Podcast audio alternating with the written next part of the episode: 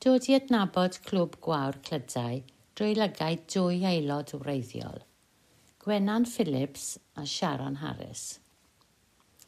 Roedd yr hedyn o sefydlu'r clwb wedi ei blannu nôl yn 2007 gyda swyddog datblygu clybliau gwawr y de o'r llewn ar y pryd, wedi annog mamau a phlant yn ysgolion meithrin y ambarth i ystyried sefydlu clwb gwawr eglurau Gwenan. Fe gymododd flwyddyn cyn i ni gychwyn wedi Siaron gasglu enwau yn ystod sioe periannau bwlch y groes. Gyda ddia ugain o enwau, fe wnaethom gyfarfod am y tro cyntaf ar yr ail nos iau ym mis Medi 2008. Mae'r enw clydau yn cynrychioli'r plwyf – gan fod aelodau yn dod o ardal ehangach na'r pentref. Mae Gwennan wedi cadw llyfr yn llawn lluniau sy'n cofnodi'r flwyddyn gyntaf ac mae cyfarfodydd y clwb yn dal i ddenu rhyw 24 i 27 yn reolaidd. Byddwn nhw'n cwrdd yn neuad gymunedol bwlch y groes, meddai Gwennan. Yn ystod y cyfnod clo, Mae'r neuad wedi cael ei hadnewyddu ac yn cynnig lleoliad modern gydag adnoddau technegol ar gyfer yr aelodau. Ac mi fyddwn ni yn cael gweithgareddau amrywiol y tu allan hefyd.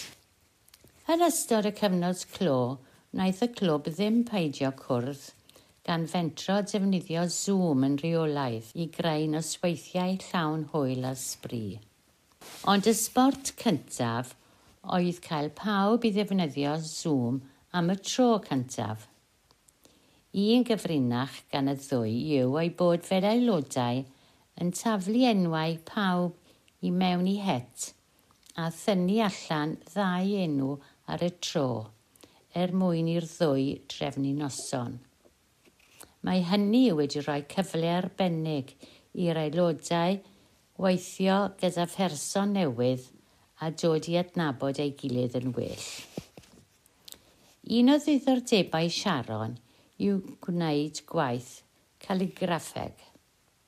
Roedd wedi mwynhau ysgrifennu ers yn ifanc iawn, ac mae papur a phensil bob amser wrth law meddai.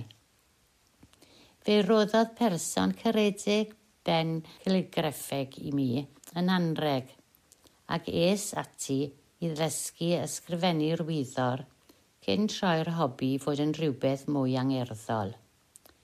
Dwi ddim yn gwerthu'r gwaith, ond yn ymddiddori mwy mewn creu eitemau fel anregion i'r teulu a ffrindiau. Dim tan y llynedd y gwnaeth Sharon gystadlu efo'i gwaith, ac eglurodd bod cael ymweld â stondin Merched o Wawr – yn y ffair eiaf a gweld ei gwaith yno yn brofiad arbennig. Mae caligraffeg yn arfer hen ffasiwn, ond wrth greu llun mwy modern, mae'n rhoi sylw o'r newydd i hen grefft, meddai. Does gan fy mlant ddim diddordeb, ond rwyf wedi dysgu sawl un arall.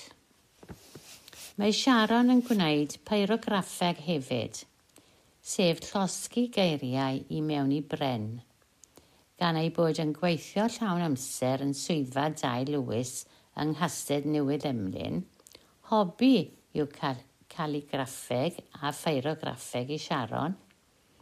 Dwi'n mwynhau er mae angen y mynedd a llyged barcud wrth ysgrifennu yn declus meddai.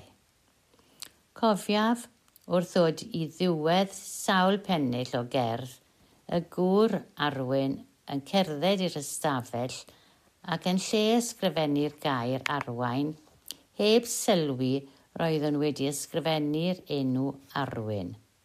Bu'n rhaid dechrau'r cyfan eto.